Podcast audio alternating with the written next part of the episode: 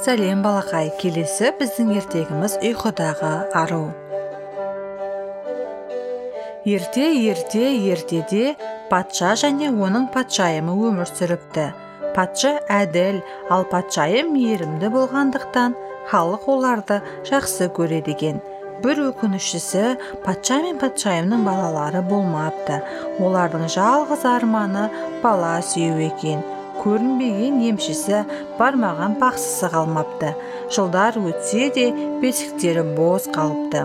Үмітімізді үзбейік бізде әлі бала сүйеміз қымбаттым деп патша патшайымын жұбатыпты. Сөйтіп күндердің бір күнінде олардың армандары орындалып патшайым бала көтеріп дүниеге сүп сүйкімді қыз нәресте әкеледі. Патша және бүкіл патшалық қатты қуанып мәз мейрам болыпты. Патша мен патшайым дереу нәресте қыздарының шілдеханасына сол елдің барлық мансапты ардақты және атақты адамдарын шақыртыпты. Патшаның нөкерлері шақыруларды елдің түкпір түкпіріне жеткізіпті. Сол патшалықта жеті сиқыршы пері өмір сүрген екен. Сол перілерге де шақыру келіпті. Құрметті перілер сіздерді қызымыздың шілдеханасына шақырамыз. Әрі қызымыздың кіндік шешелері болуларыңызды сұраймыз делінген екен сол шақыруда. Шақырылған жұрт мәз болып сарайға жиналыпты. Сиқыршы перілер де келіп жетіпті. Патша мен патшайым қыздарының атын розалинда деп қойыпты. Жиналған жұрт қуанып тілектерін жаудырыпты. Жеті пері де қалыспай әрқайсысы кішкентай розалиндаға сиқырлы қасиет атап сыйлапты. Перілер розалинданың бесігінің қасына келіп оған әдемілік сымбаттылық инабаттылық мейірімділік ақылдылық батылдық сияқты қасиеттер сыйлапты. Ең соңғы жетінші пері өзінің сый қасиетін енді атай бергенде аяқ асты қатты жел соғып күн қарауытып кетіпті. Той тойлап отырған бөлменің қақ ортасында кенеттен бір пері пайда болады. Бұл ұмыт қалған сегізінші сиқыршы пері екен. Қараңғы үңгірде мекендеген бұл пері туралы бәрі ұмытып оған шақыру жіберілмепті. Әттең ай бұл өте қатыгез жүрегі суық зұлым пері болатын. Мені ұмытып менсіз той тойлап жатырсыңдар ма? Патшалықта жеті емес сегіз пері бар екен қалай естен шығардыңдар деп бажылдайды қатыгез пері. Қатты шошынған патша мен патшайым одан кешірім сұрап жеті перінің қасына дастархан басына отыруын өтінеді. Бірақ қатыгез пері ешкімді тыңдамайды.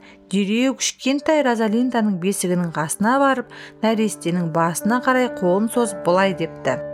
Иә розалинда ханшайым ең сұлу ең инабатты ең ақылды бойжеткен болып өседі. Бірақ 16 жасқа келгенде ұршыққа қолын жаралап сол жерде мерт болады депті. Бұны естіген патшайым ағыл тегіл жылап жібереді. Жо жоқ құдіретті пері рақымшылығыңды таныта көр қызымды аяй көр деп жалыныпты. Бірақ қатыгез пері зұлым тілегін айтады да ғайып болады. Есеңгіреп қалған патша мен патшайым не істерлерін білмей тұрғанда қастарына жетінші пері келіп былай депті. Сабырлы болыңыздар. Мен әлі өзімнің тілегімді айтып үлгермеп едім. Мен әлі жас перімін қатыгез перінің айтқанын жоқ қылуға әлі күшім жетпейді. Әттең ай сонда да оның тілегін барынша бұлтырмауға тырысамын депті. Барлық жұрт дымын шығармай тыныштала қалады. Жетінші пері бесіктің басына келіп сүйікті розалинда сен мерт болмайсың ұзақ өмір сүресің қолыңды ұршыққа жаралаған сәтте ұйқыға шомып кетесің. Сол ұйқыдан сені бекзат ханзада оятып алады депті. Патшаның бұйрығымен патшалықтағы барлық ұршықтар өртеледі. Осылайша патша кішкентай қызын қатыгез перінің дуасынан сақтап қалмақшы еді. Күндер өтіп жылдар жылжыды. Розалинда бой жетті. Дәл перілер болжағандай ханшайым әрі ғажап сұлу әрі ақылды әрі инабатты болып өсті. 16 жасқа толып туған күнін тойлаған соң бір күні іші пысқан розалинда сарайдың ішін зерттемекші болады. Сарай өте үлкен. Болған соң ішінде адам көп жылдар бойы кірмеген небір бөлмелер мен қуыстар бар болатын. Розалинда сондай бөлмелерге кіріп ішінде не барын қарап сарайды аралап жүре береді. Кенет ол бір бұрыштан шаң басқан баспалдақты көріп қалады. Бұл баспалдақ қайда барады екен? деген оймен розалинда онымен көтеріле бастайды. Баспалдақтың жоғары сатысында шыққанда алдынан бір шаң басқан есік көрінеді. Есікті ашып бөлменің ішіне кірсе бөлме ортасына ұршық иіріп отырған кемпірді көреді. Апа сен не істеп отырсың? деп сұрайды өмірінде ұршық көрмеген розалинда мен ұршық иіріп отырмын қарғам. Кел сен де иіріп көре ғой дейді кемпір мейірімді үнмен. Еш нәрседен күдігі жоқ розалинда. Ұршықты алып иіріп көреді сол ақ екен розалинда қолын жаралап жерге сұлқ түседі. Ха ха ха! деп қарқылдап күледі кемпір. Бұл әрине жай кемпір емес розалинданы дуалаған қатыгез пері еді. Ол сиқырлы таяқшасын бұлғап сол сәтте ғайып болады. Айтқанын орындап өзінің қараңғы үңгіріне мәз болып оралады. Көп ұзамай ес түссіз жатқан розалинданы қызметшілер тауып алады. Олар сұлу қызды оятуға тырысады бірақ розалинда еш оянбайды. Қатыгез перінің дуасы орындалыпты деген суыт хабар ел арасында тез тарқайды. Қатты қайғырған патша мен патшайым не істерлерін білмейді. Олар розалинданы бөлмесіне апарып төсегіне жатқызады. Розалинданың сұлулығы сонша қараған жанның көзі тоймайды екен. Бүкіл патшалық болып сұлу ханшайымды жоқтап қайғырады. Көп ұзамай жетінші пері де сарайға ұшып келеді. Розалинда жүз жылдан кейін оянған кезде сарайда жападан жалғыз қасында ешкімі болмай шықса әке шешесі барлық сүйгендерін өмірінен озса қалай болмақ деп ойланып қалады. Осы оймен жетінші пері бүкіл сарайға сиқырлы тозаң шаша бастайды. Пері тозаңды шашқан сайын сарайдағы адамдар ұйқыға кете бастайды. Міне патша мен патшайым отырған тақтарында тәтті ұйқыға шомды міне сарайдағы барлық қызметшілер де тұрған отырған жерлерінде көздерін жұмып түс көре бастайды. Сөйтіп пері бүкіл сарайды ханшайыммен бірге жүз жылға ұйықтатып сарайдың өзін қалың ну орманның ішіне жасырды. Ағаш арасынан сарайдың тек ең биік мұнаралары ғана көрініп тұрды. Сөйтіп жүз жыл өтіпті.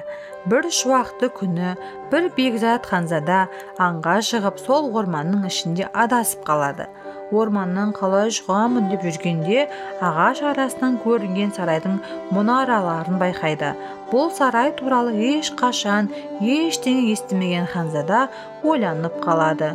Ну орман арасында жасырынған бұл сарайда кім тұрады екен? Мен барып білуім керек деген ниетпен ханзада атынан түсіп сарай жаққа қарай жүріп кетеді. Ханзада ну орманға жақындағанда шырмалып өсіп жатқан ағаш бұтақтары жазыла бастайды.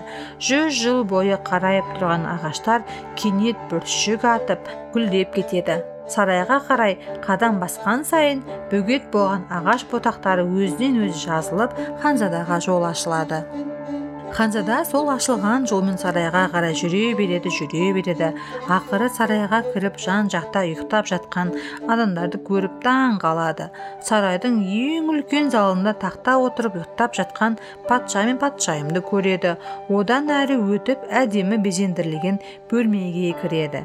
Бөлмеде жатқан ұйқыдағы сұлуды көріп ханзада оған бір көргеннен ғашық болады. Өз бақытына өзі сенбеген ханзада ханшайым мені естисіз бе? деп ақырын сұрайды. Сол ақ екен розалинда ханшайым көзін ашып оянып кетеді.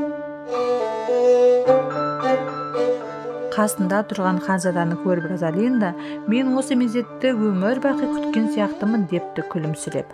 Осылайша екеуі сөйлесе бастағанда сарайдағылар да ояна бастайды. Қызметшілер даяшылар бақташылар ақырында патша мен патшайым бәрі бәрі көздерін ашып ұйқыдан оянады.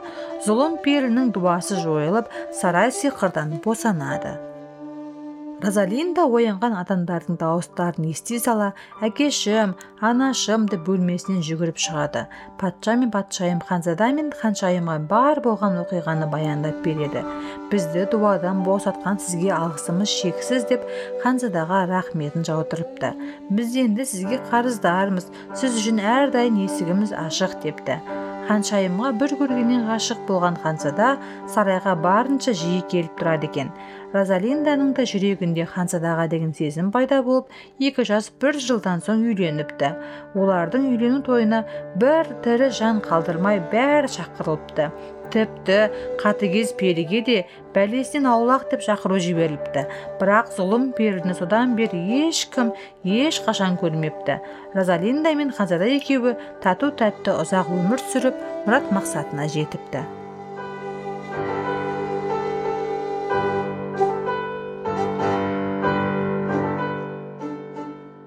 Осымен ертегіміз аяқталды. Қайырлы түн балақай.